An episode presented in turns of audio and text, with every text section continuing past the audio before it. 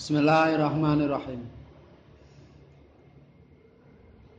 Warajahu dar al mafasidi ala jalbil masalihi kama ta'assola fahaithuma maslahatun wa mafsadah ta'arada quddima daf'ul mafsadah uh, warajahulan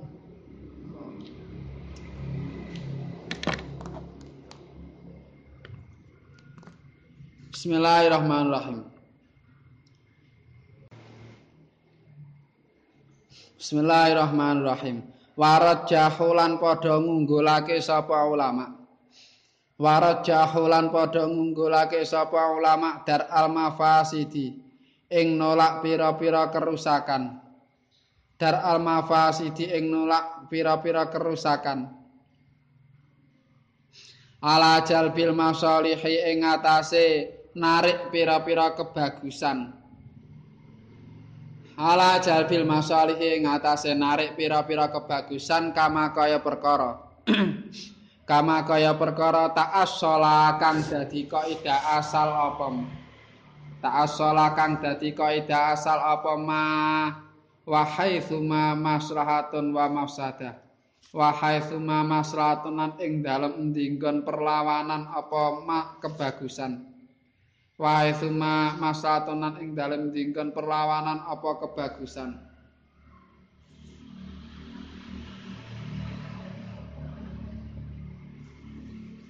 Wa mafsadah lan kerusakan. Wa mafsadah lan kerusakan.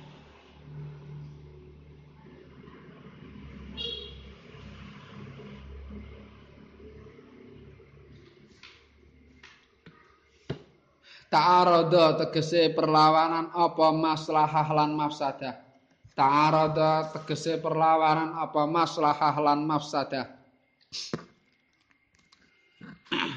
Udima mongko den dinginake. Udima mongko den dinginake apa daf'ul mafsadah. Apa daf'ul mafsadah nolak kerusakan. Apa daf'ul mafsadah nolak kerusakan.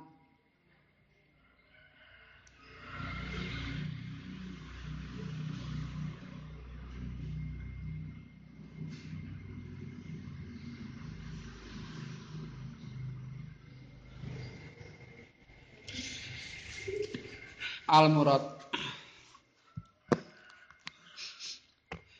Para ulama ngunggulaken para ulama ngunggulaken nolak mafsadah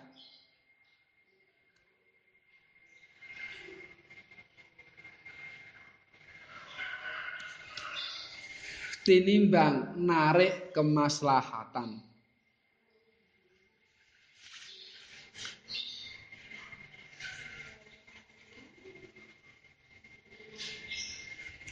Tinimbang narik kemaslahatan. Pramila menawi maslahah lan mafsadah pertentangan pramila menawi maslahah lan mafsadah pertentangan.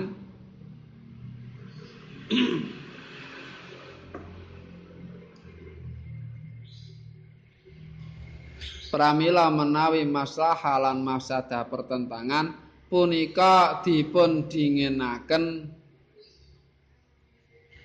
punika dipun dingenaken nolak mafsadah punika dipun dingenaken nolak mafsadah. Ing dalem ghalibipun. Ing dalem ghalibipun.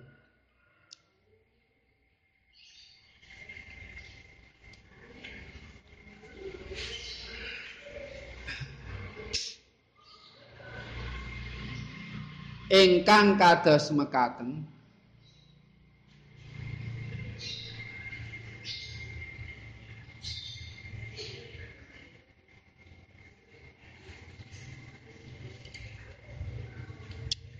kranten. Perhatianipun syarak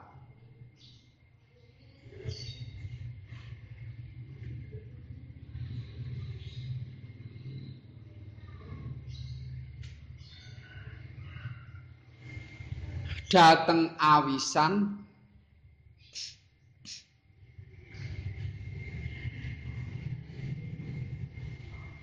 Punika langkung inggil.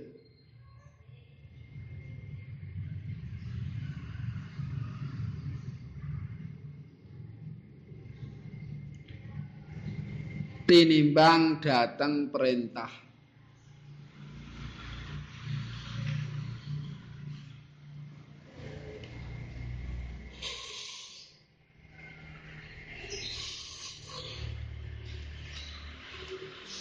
Dene contonipun setunggal.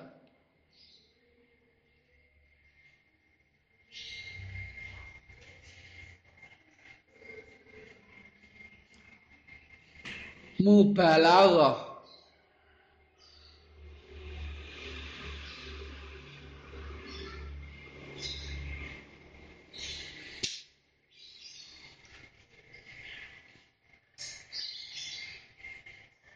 wonten. Kekemu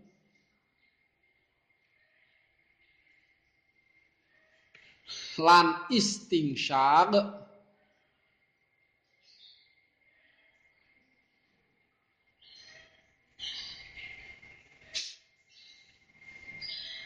nalika wudu punika sunat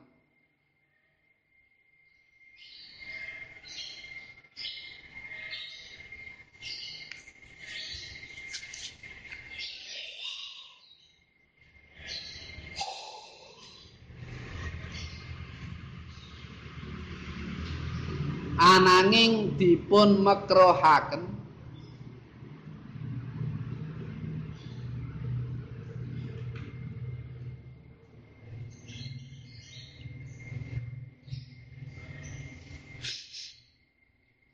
kangge tiyang siam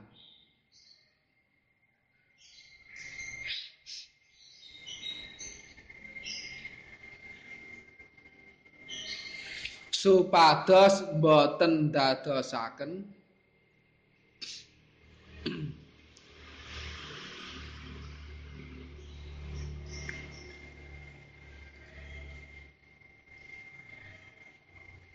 siamipun batal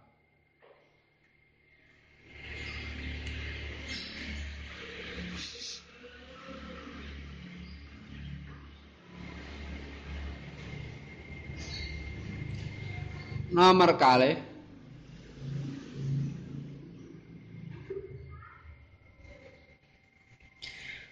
kenging tilar jamaah.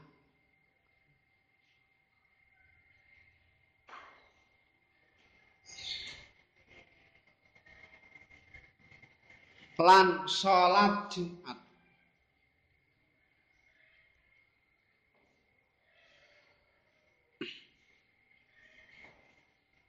nalika gerah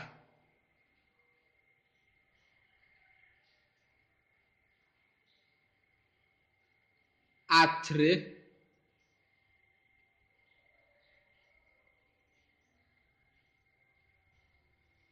utawi ngramut tiang gerah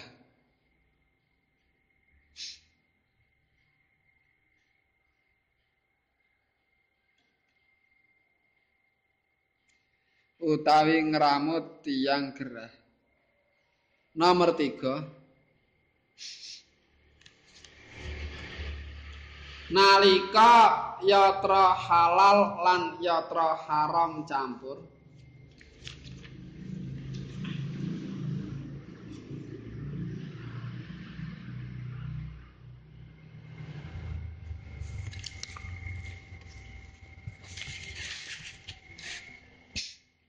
Nalika yatra halal yang lan yatra haram campur punika mboten pareng ginakaken sedayanipun.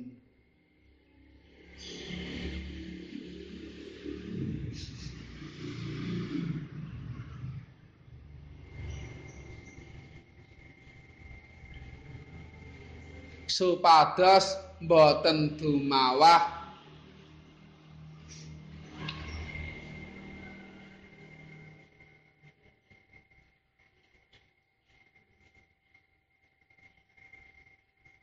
ngginakaken barang haram.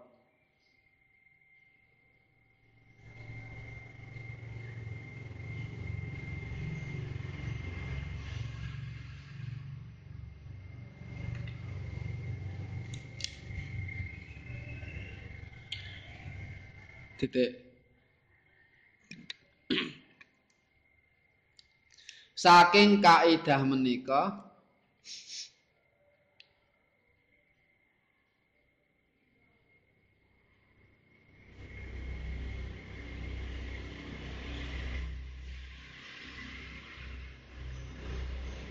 dipun jabakaken pinten-pinten masalah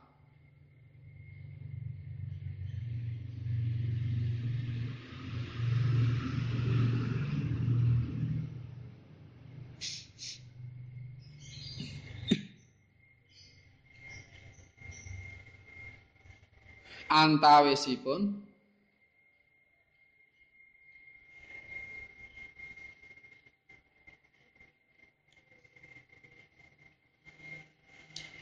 setunggal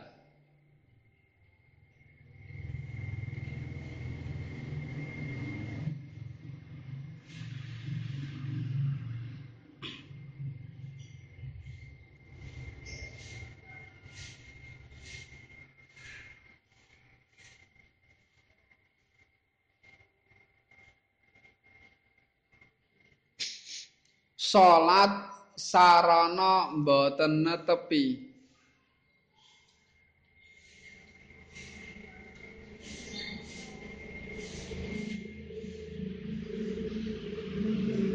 sarana mboten waget. Sarana mboten waget netepi.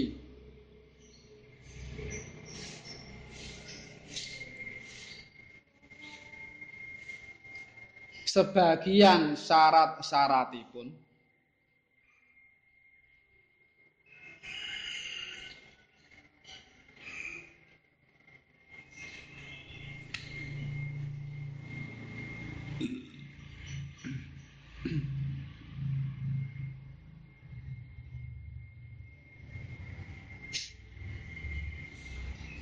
arupi suci.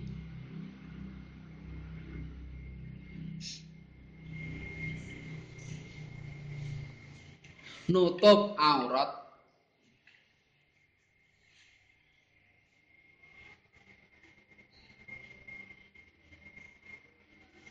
Utawi madhep kiblat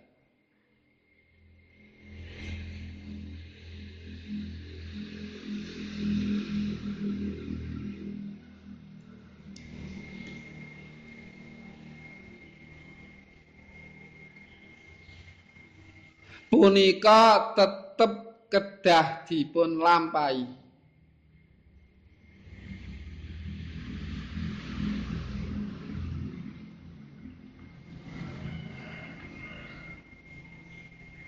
Punika tetep kedah dipun lampahi. Sinasa mengku mafsadah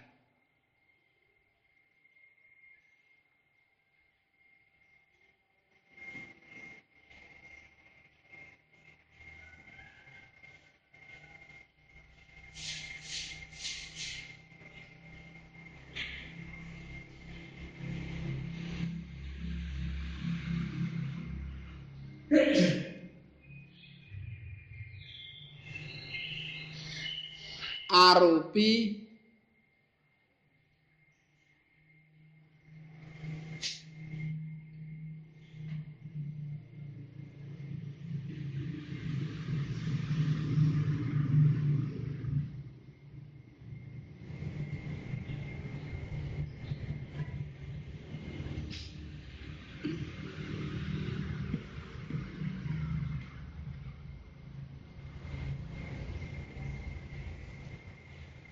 boten madhep dhateng Allah taala.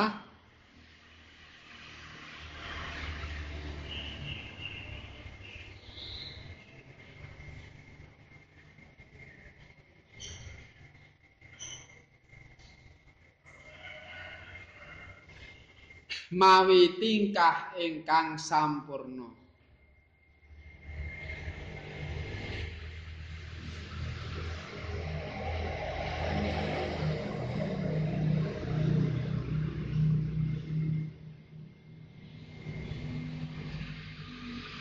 Nomor kalih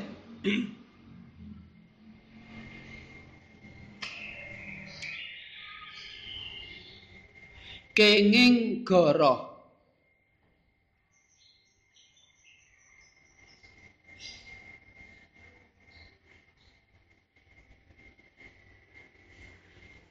kangge ndamekaken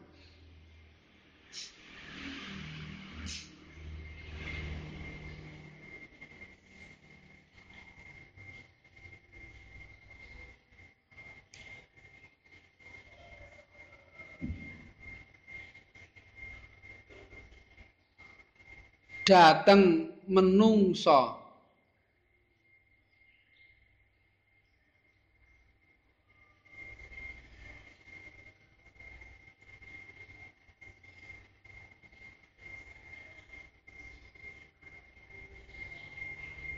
utawi dhateng garwa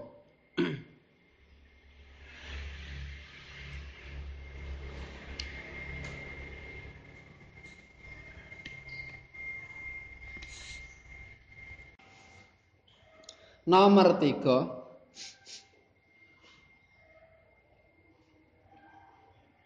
Kenging ngucapaken kalimah kufur.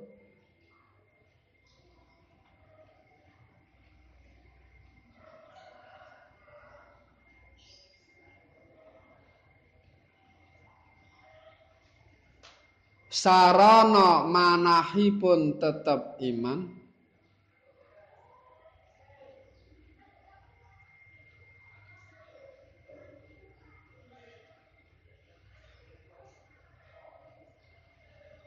nalika dipun sereng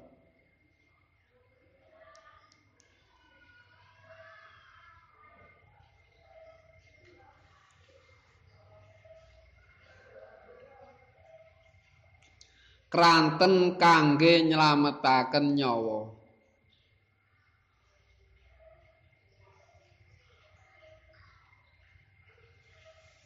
Kranten kangge nylametaken nyawa. Titik. Bismillahirrahmanirrahim warajahu dar al mafasiti ala jalbil masalihi kama ta'asolah para ulama ngunggulake nolak mafsadah kerusakan nolak mafsadah daripada jalbil masoleh daripada menarik kebaikan. Jadi ini menolak keburukan iku luwih diunggulno daripada menarik kebaikan. Kaya dene sing dadi kaidah asal yaiku darul mafasid muqaddamun ala jalbil masoleh. Kapan-kapan ana masalah lan mafsadah kumpul iku umume akeh-akeh ghalibe iku didhisikno daful masadah nolak kerusakan. Wis kok ida umum wis ngono kuwi. Lho kok iso le sebabe Al-Qur'an dhewe anggone anggone nyontokno ya ngono wala tasubul ladzina Aja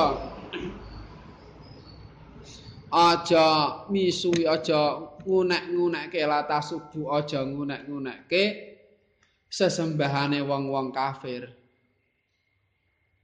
Wa tasubul lali napa? Minti faya subullah. Aja ngunek-ngunekke sesembahane wong kafir.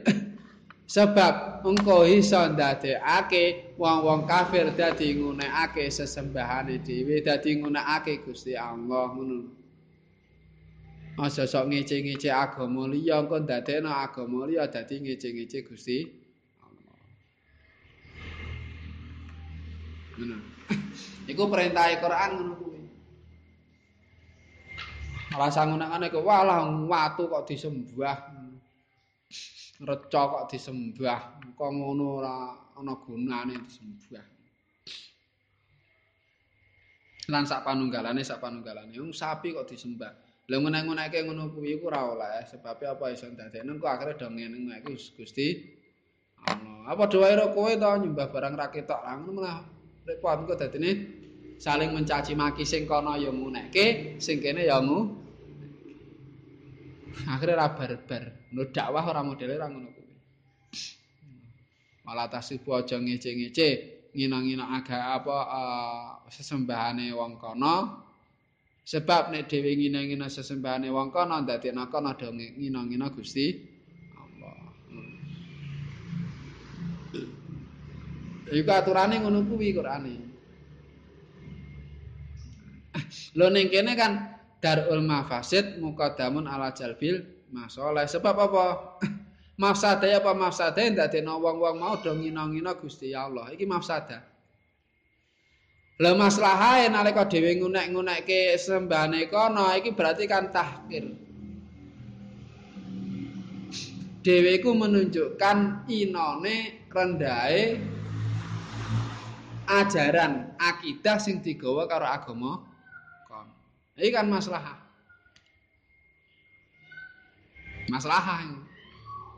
Tapi ana mafsadah dadekno wong-wong mau do ngece Gusti Allah lho niki kene darul mafasid didhisikno daripada jalbul masoleh tinimbang kon dadekno wong-wong do ngece Gusti Allah ora usah ngece apa sesembahane wong kono.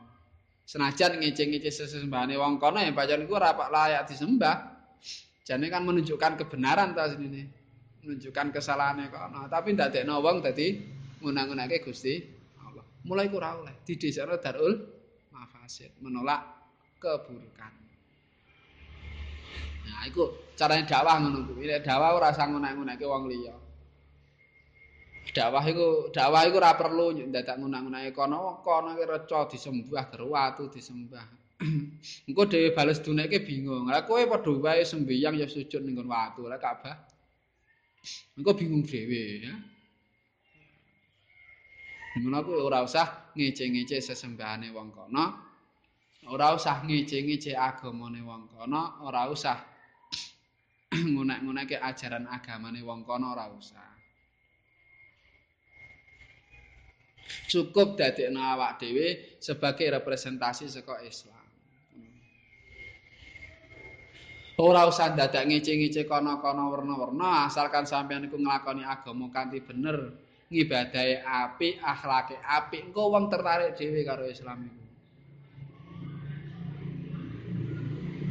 Ane betina ketemune wong Islame ger murang muring ngonak-ngoneke wae sing arep mlebu ya rasa-rasen. Engko lele mlebu Islam dadi galak ngono kae, payah engko. Mula ora perlu, ndak terlalu perlu kecuali dalam forum debat ya. kecuali dalam dalam forum debat dalam memang ada forumnya lah itu khusus gue beda meneh urusannya nih kui sesuai karo aturane kondisi ini kayak apa. Tapi dalam kondisi normal orang usah tidak ngono-ngono daripada awak dewi ngunek-ngunek agama kono daripada awak dewi ngunek-ngunek ajarane kono bukan hanya kanggo wong non muslim kanggo sing sak Islam beda aliran ya padha wae. Oh daripada dhewe ngunek-nguneke agama kono.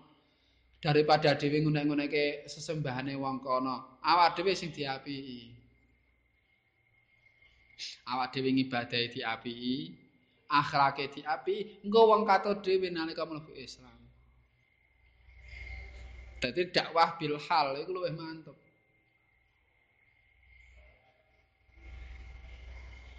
Wong biyen zaman para sahabat iku wong mlebu Islam ora mergo pengirane dunek-unek kening mergo weruh wong Islam. Wong Islam kaya ngono iku akhire do do pengin mlebu Islam. Mula kaya Spanyol kae, Spanyol. Lah kae biyen dikuasai Islam mergo apa? Dudu mergo diserangi. Ya memang akhirnya diserang, tapi sing ngutus jaluk diserang lak wong kono dhewe. Dadi wong-wong sing di bawah zaman semono kekuasaan sapa jenenge Spanyol iki. Kuwi yo sing di bawah Romawi, di bawah Persia. Iku oke sing akhire malah do pengen mlebu Islam kuwi. Do ngundang pun wong Islam jenengan mriki mawon negara niku diserang. Lah kula daripada kon dijajah wong-wong niku kula mending derek jenengan. Hmm. Mula akhirnya arep diserang iki golek malah sing do menyerah bukan menyerah mergo apa ya mergo ndelok akhlake wong Islam jaman semono akhirnya malah pengen pengen melu. Kaya utusane Spanyol iku marani kon Musa bin Nusar mature ngono jenengan serang negara niku kula mawon negara niku asik dijajah sing jajah zalim. Kula luwih lila nek di bawah wong Islam daripada di bawah nika. Duntang. Dan lain sebagainya, dan lain sebagainya akeh. Dadi ini wong iku mlebu akhire mergo apa ndelok.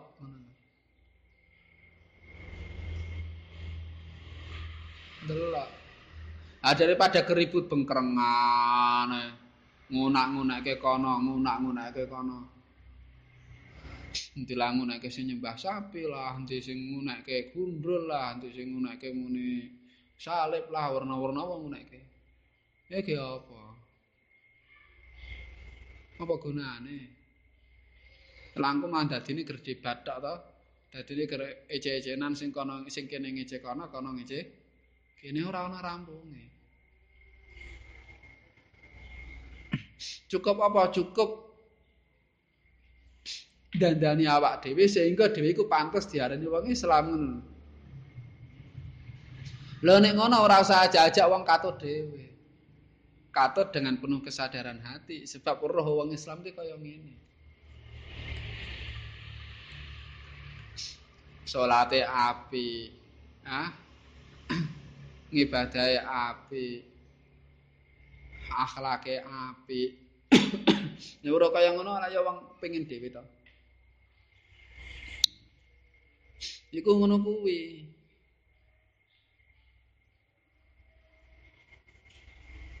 Mula nek serawung, serawung karo wong sing ora Islam, ora usah mikir dadak pengin ngislamno barang. Maksudnya ora usah mikir mikir mikir maksudnya ora usah njuk terus kuwi sing dadi target utama ngono Saman serawong karo wong kono karo wong kono niate piye carane ben aku iso dakwah iso ajak kono. Gedawan kuwi. Ora tulus. Serawong teko serawong ngono lho. Serawong teko serawong. Dewe serawong sing apik dengan cara yang baik. Nek dhewe iso apik, dengan cara yang baik. Ora usah ajak-ajak wong dadi melu awak dhewe. Hmm. Mas maknane melu awak dhewe mati akhire dadi tertarik karo agama Islam. Lha iku sing paling penting. Daripada malah ngunak-ngunake agama. Ora ora ora nontake. Kecuali dalam forum tertentu ya, saya dalam forum tertentu. Lah, itu beda meneh urusane kok ya kondisional, tapi secara umum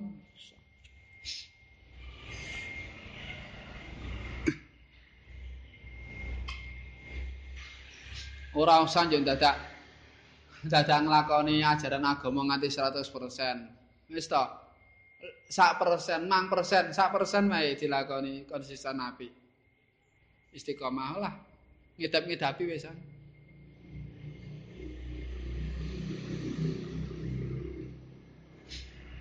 Lah wong lah apa ora usah akeh cukup 5 ora usah akeh Laisal birra an tuwalu wujuhakum qibalal masyriqi wal maghrib. Walakin nal birra makna mana billahi. Sateruse sing jenenge apik iku ajaran agama maksudnya iku dudu njuk terus dhewe madhep ngulon madhep wetan sembiang dudu kuwi dudu hanya bukan hanya sekedar seperti itu. Sing jenengane bir iku jenenge apik apa siji? Yaiku iman. Lan sateruse sateruse terus engko nglakoni salat sak terus iki ta wal kafiminal waidha wal afina anin nas sak terus iki ana lima to kae. Wa atal mal ala hubbi dawil qurba wal yatama wal masakin sak terus iki ora usah akeh sijal kuwi lima tok kuwi ae datang nglakoni kabeh abot. Lima tok iku iso nglakoni sing ngedap-ngedapi. Iman. Sembiang dilakoni lan saterusé iku sing hubungan karo ibadah. Terus wa atal mala ala hubbihi dawil qurba wal yatama. Gelem nyodakohne gelem menehke bondo padahal dhek seneng. Dineke ning nggon sapa? Dawil qurba kerabat ngene kerabat rasa pandang mbah iku arep wong NU mbah wong Muhammadiyah mbah wong Islam mbah wong ra Islam pokok sedulure bantunan bantunan kono rantu ya bantunan Sing penting ora sing terkait karo masalah ngibadahi kono. Kalau ngono ta nek cara sing agama liya. Sing secara kemanusiaan ya bantunan. Wong sedekah ning wong kafir tapi untuk ganjaran.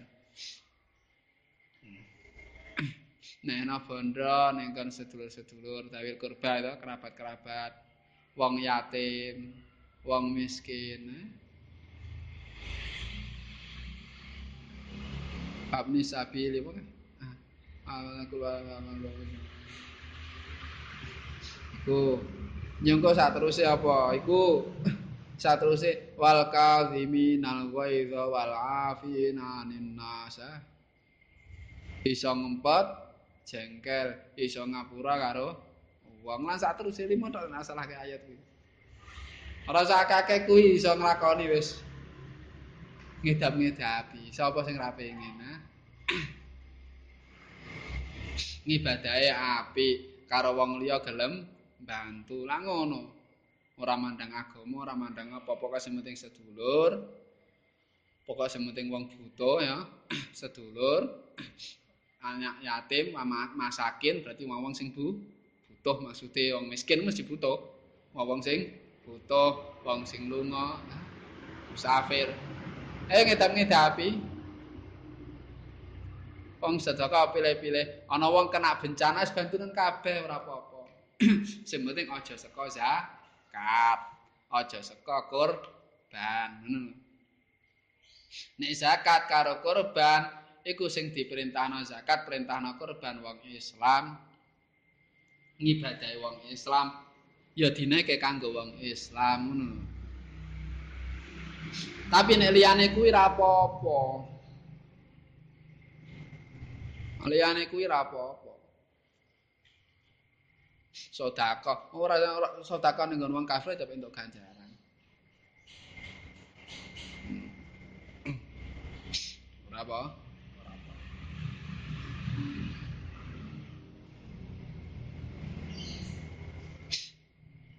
Ora masalah. Wong lanjut tertarik lah. Iki gaweane ger ngunak-ngunake agama liya jale sumbangan pelit. Fakir miskin ra fakir miskin rakopen cah yatim yatim rakopen rondo-rondo nganti ora iso nglakoni idah sebab ora ana sing ngopeni uripe akhire kepeksane do adol ning pasar mergo do ora iso idah sebab ora ana sing nyukupi lho kaya apa?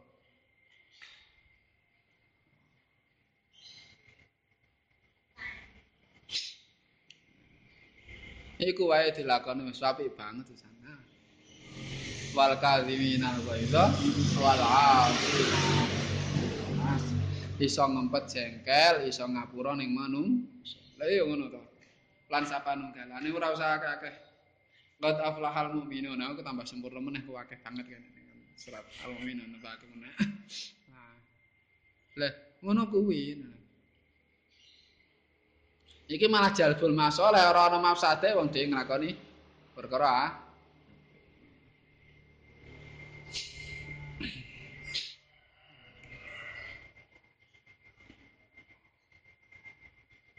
Long tapi kono kafir ya kono ki kafir. Ane nek disengiti terus ngono kuwi ya terus arep kaya parep digapakne meneh. Wong dhewe kan nyedheki uang kok. Eh menawa-menawa gara-gara dicedheki weruh awak dhewe akhire dadi mlebu is lah isane ngono kuwi iku nek hubungane tulus ora ana maksud terselubung nek ana maksud terselubung ya malah kok ora sida dadi lho kek kumpul dili terus gaweane dakwah wae bener dipituturi ya bosen ta wonge lah akhirnya carane ngono kuwi tak perlu lang ora ora ora ora perlu ora perlu promosi tapi nalika wong weruh awak dhewe akhire iso tertarik agama Islam. Lha iku tujuane ngono kuwi. Dandanono awak dhewe ben dadi apik sehingga pantes diarani dadi wong Islam. Ya representasi Islam. Umpama ana wong takon jenenge wong Islam kaya apa? Nika lho presani wong nika. Lah ngoten nika lho. Lah ngono lho. Nek iso ngono kuwi. Wes nek ngono kuwi rasa kedawan-dawan akeh wong sing tertarik. Apa mau didakwai ya ora butuh kasar-kasar. Akhirnya jamaah manut. Umpama sing ra manut ya arep kasar bareng ya ya sungkan bareng dadine. Lan sak panunggalane iku penake ning guru. Imla darul mafasid muqaddamun ala jalbil masalah. Nah, ribut warep ngurusi ana Wahabi, ana Syiah, ana warna-warna, entek tenagane sampean ngurusi kuwi.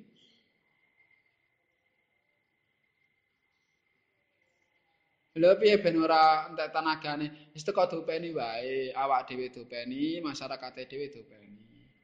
Ngajine diapiki ya ta. Tauhid dikuwati, fikih dikuwati, berjanjian aktif, yasinane mlaku, cara kubur mlaku wis tanggon wis ngono kuwi ora usah dadak dipikir sing warna-warna ora bakal mlebu.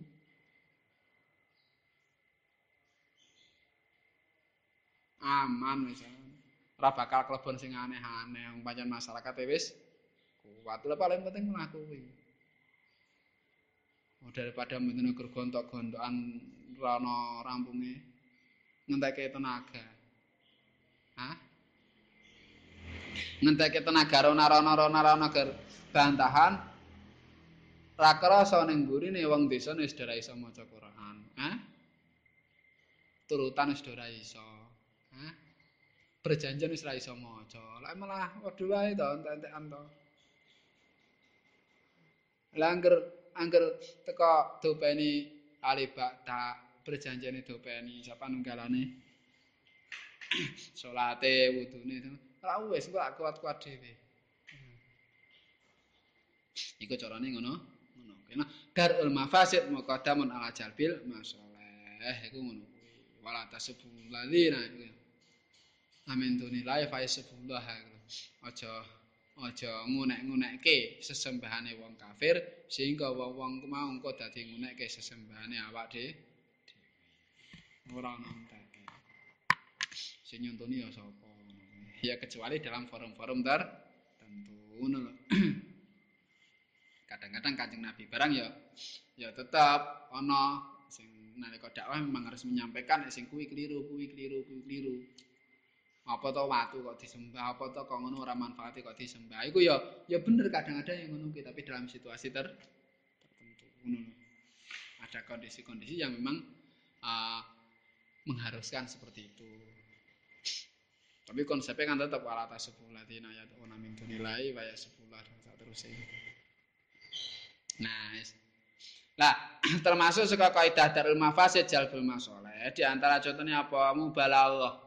Mubalaghah banget-bangetake nalika kekemulan ngisep banyu urung kan hukume sunat. Ora mung ngisep tok tapi mubah langgoh nganti tekan dhuwur kene. Cara kekemu nganti diubah-ubahke ning cangkem. Iku kan sunat. Nek kekemune tok asline aslul matmandah sing penting banyu wis dilebokne ning cangkem iku wis husul sunah, wis hasil to sunate. Tapi disunatne mubah lagu apa wa adaroha sumamat jahat hubung-hubung kening cangkem terus akhirnya ditok. Iku sunat tapi nek nalika poso mekruh. Sebab apa? Iso ndadekno batale po? Poso. Iso ndadekno engko banyu mau mlebu ning jerone a. Ngreksa poso ben ora batal ngreksa ben awake iku ora klebonan banyu luwih didhisikke daripada kemaslahatan yaiku nglakoni kelengkapane wudu. Hmm.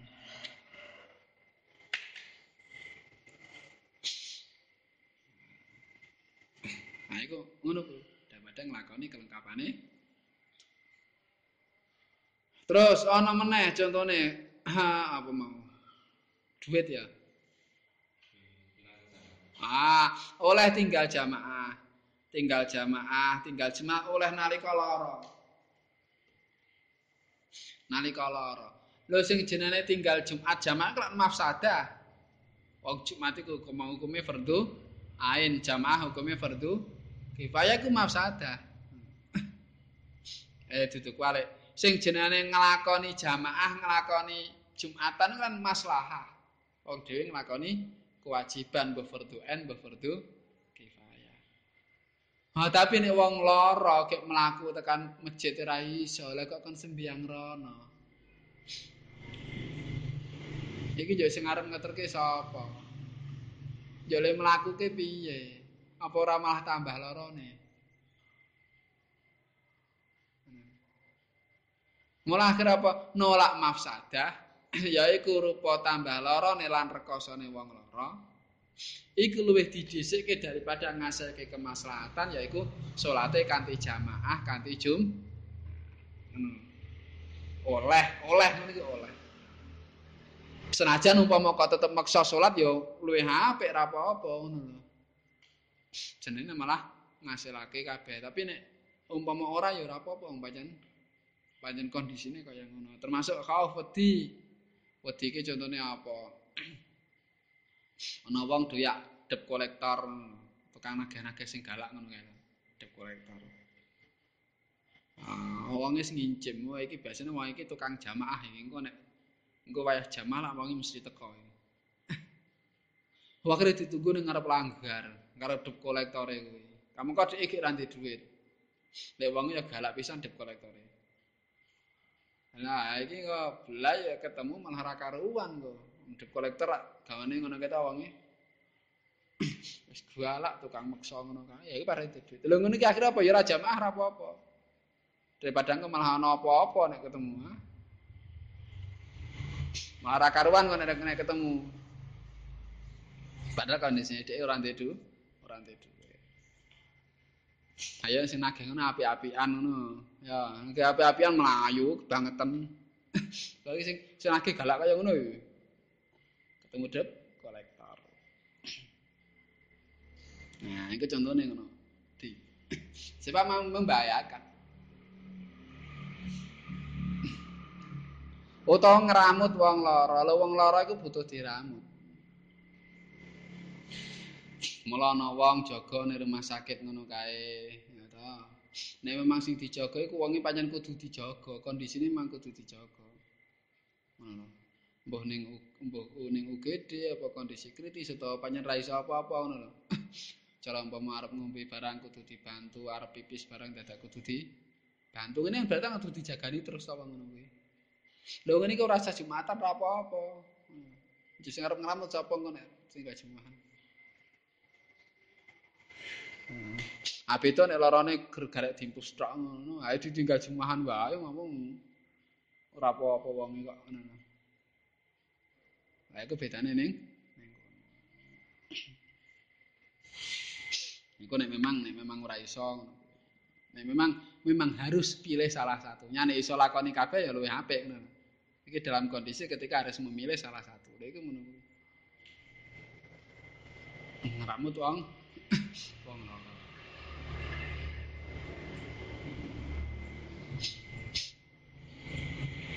Artinya saya ini rumah sakit-rumah sakit sana nggak sholatnya cedek Rumah sakit Indonesia itu kepenak, kabeh rumah sakit ana ana musolane. Kepenak no. Ketika jamaah sedikit ngono ora krasa. Rumah sakit Indonesia masa kabeh ana rumah ana musolane nek cedek-cedek sisan. saking saking hebate Indonesia itu saking hebate Indonesia itu.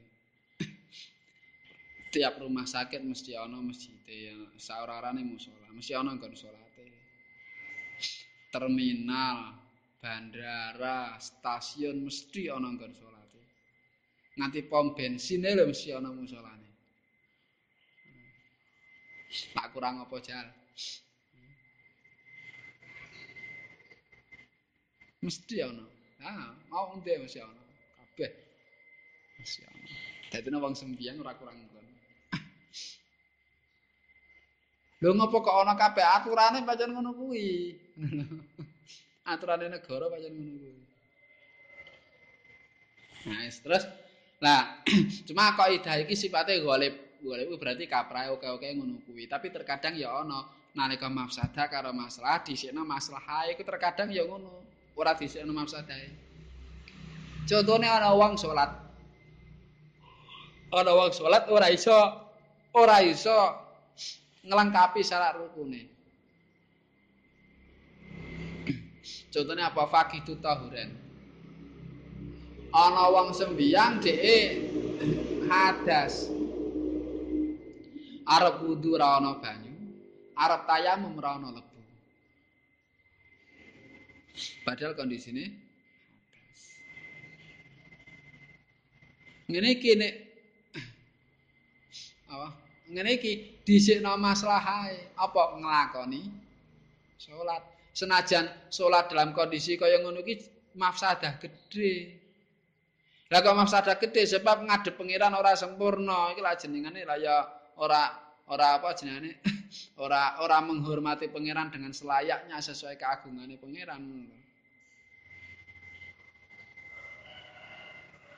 Kaya dene, kaya dene ana wong sowan ning ulama gedhe terus nyunggi lemi lah ya ora sopan to?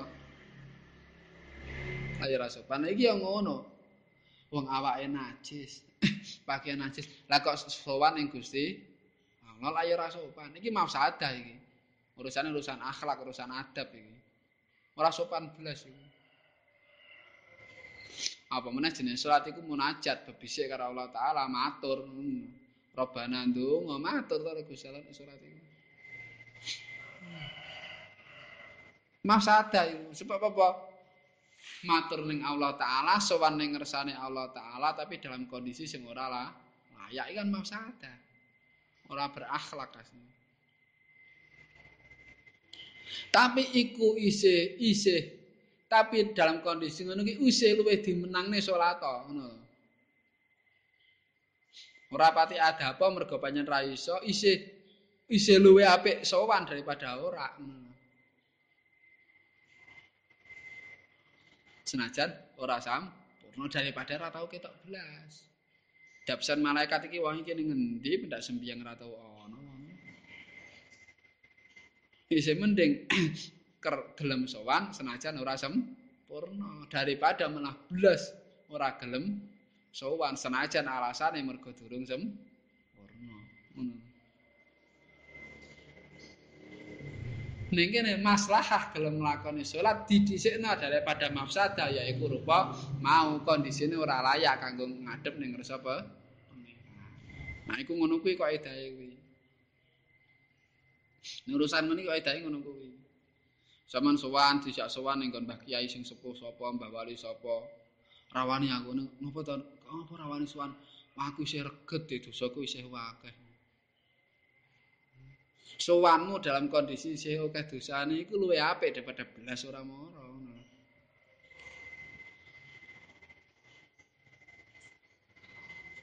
Nah, sebab apa? Sapa ngerti gara-gara gelem moro yo akhirnya dadi tambah apik. Daripada belas ora moro arep ngopeni piye?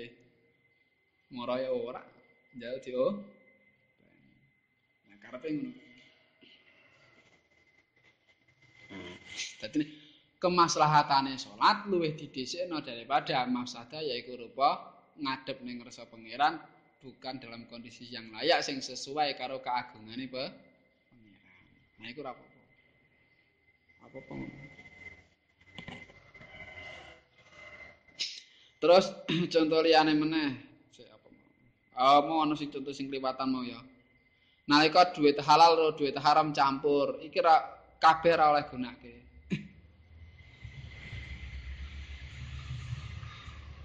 Contohnya apa? Sama di pitik. Ya ana pitike tanggamu melu-melu. Delala pas ke Arab di acara njuk kudu mbelah pitik. Lagi pitikku ki endi sing endi ya kok loro iki kok. Ana 5. Ini pitikku ki telu sing loro dudu nggonku iki. Aneng bingung sing endi kok rupane mirip iki sing nggonku sing endi sing nggon wong sing endi. Ngene iki ra oleh dibelah kabeh. Sebab apa? Kok ora dibelah kabeh? Lah engko khawatir tumiba akhirnya sing dibelah mau pitike nggon tangga dudu sing pitike dhewe. Nah, iku ngono kuwi.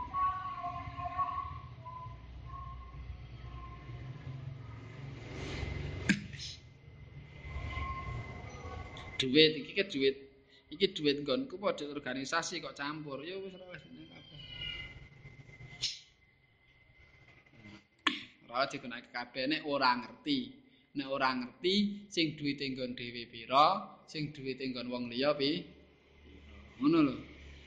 Nek ora ngerti ora oleh digunakake ka lho dene kok ngerti jumlahe pira lho engko ana carane dhewe tapi nek ora ngerti ora oleh gunakake ka. Ngono lho. Sebab apa? Yang guna menggunakan hak milik itu maslahat. Tapi ana mafsadah ya iku iso keblusuk engko nggunakake barange wong. Padahal ora jelas. Blas jumlahe pira intine ra cetha. Engko nek cetha beda meneh cetha karo disisihne ngono kena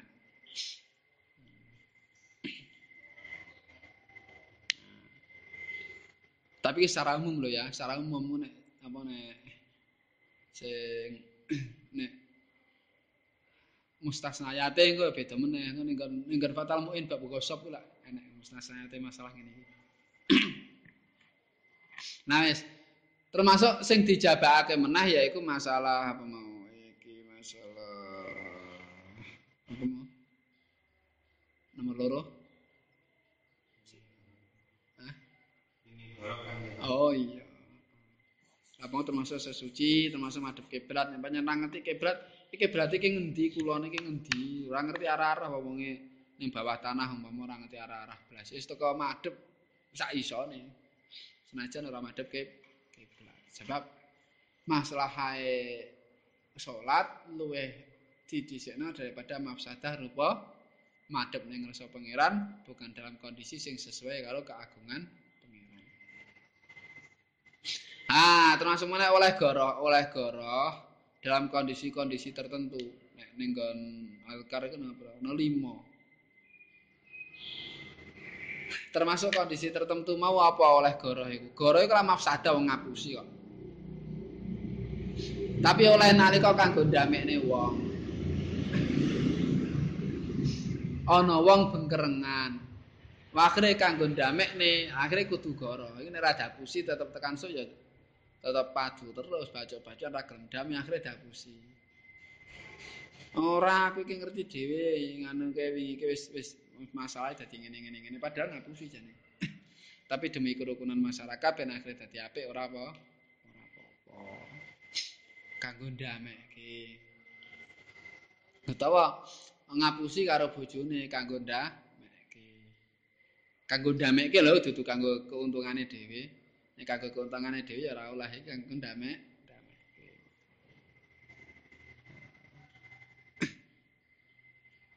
Lan sak panunggalane engko ana meneh ana ana beberapa hal. Ana beberapa hal. Sing sing memang diolehno goroh padahal maaf sada. Nalika ana kemaslahatan sing luwih gedhe. Tapi ora mutlak ana ana ana pira, ana 5 pira salah. Iku oleh. Nomor telu kaya sing biyen kae. Nalika ana apa wong? Ah. Mayit. Oh, dudu mayit. Nah, kena ngucapne kalimat kufur ning atine tetap iman. Kanggo apa? Kanggo nyelametake nyawa. Kowe nek ora gelem ngucap kufur pateni. Ngucap kufur apa apa sing penting atine iman. Padahal kan mafsadah wong ngucap kalimatku kufur. Tapi demi kemaslahatan yaiku nyelametke nyawa. Nyelametke nyawa iku luwih penting daripada ngucapno ucapan kufur tapi atine i. Ono didhisikno nyelametke nyawa. Oleh. Senajan umpama tetep merku kok mending pateni daripada ngucapno kufur luwih apik. Luwih apik. Tapi pada ngono kuwi ya tekan ngucap nek ben selamat ora apa. Kaya nalika mayit Islam karo kafir campur ngono kae lho. Akhirnya kan disolati kabeh. Nah, biyen disolati kabeh to kan? Solati kabeh didusi kabeh. Padahal nyolati wong kafir asline kan ra oleh. Tapi nek ra ngono kuwi sing Islam ora disolati kok. Akhirnya apa? Disikna kemaslahatan demi nyolati wong Islam, akhirnya nglakoni wong kafir barang ana sing katut diso. Iku ora apa-apa. Sebab nek umpama kok akhire wae iki ra ngerti sing Islam sing kafir rasa salate kabeh, ah sing Islam ra dadi salate. Akhire apa dibalik salatono kabeh wae sing Islam mesti mesti kesolatan. Berarti nek sing wong kafir katut ya anggap wae iku carane ngono. Berarti ning kono kondisine kemaslahatan kanggo nyolati wong Islam nglakoni kemafsadahan yaiku sebagian wong kafir ana sing melu diso Iku contohnya ngono kuwi ya. Iku kan termasuk contoh masalah luwih didhisikno daripada maf Lan liyan-liyane wakeh banget. Kalau masalah iku apa mafsadah apa sing ngarep biyen kae. Jenenge muni masalah nek diwalik ya dadi mafsadah, mafsadah diwalik ya dadi mas. Wah, Wong nglakoni salat iku maslahah, tinggal salat iku maaf. Sadah. Hmm. Lan sak terus. Lha sing di mafsad di mafsada ya kare didelok dalile. Nek dalile sifate perintah himbauan ya berarti Mas. Wah, nek umpama sifate larangan ya berarti iku nyegah maaf. Sada. Hmm. Kare mimbar bitarke apa mimbabil fi? Ya kaya mau. Salat iku nek nutup aurat iku perintah apa larangan? Wong iku diperintahno nek salat nutup aurat, apa wong dilarang wuduh sembiang. Lha iki perintah sebab khudhu zinatakum inda kulli masjidin. Saya iku nutup aurat berarti perintah.